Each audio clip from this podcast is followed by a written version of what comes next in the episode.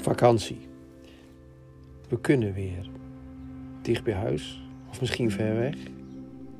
Met een coronapaspoort. Afwachten. Maar in ieder geval kunnen we er al mee bezig zijn in ons hoofd. Hier heb ik een gedicht over gemaakt. Luister maar. Reis. Laten we het even anders doen.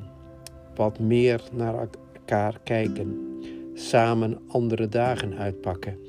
De wind horen fluisteren. Ga reizen door een andere tijd. Op zoek naar rust. Maak ruimte in je hoofd. De zon kun je ook anders zien. Het werk kan wel even wachten. Je huis blijft wel. Kijk eens in een andere spiegel. Zet de dagelijkse werkelijkheid op losse schroeven. Ga op weg, de rugzakken vol verwachting. Verberg je niet achter bergen. Wees niet bang. Kijk maar om. God is de schaduw aan je rechterhand. De zon zal je niet steken en s'nachts zal de maan je geen kwaad doen.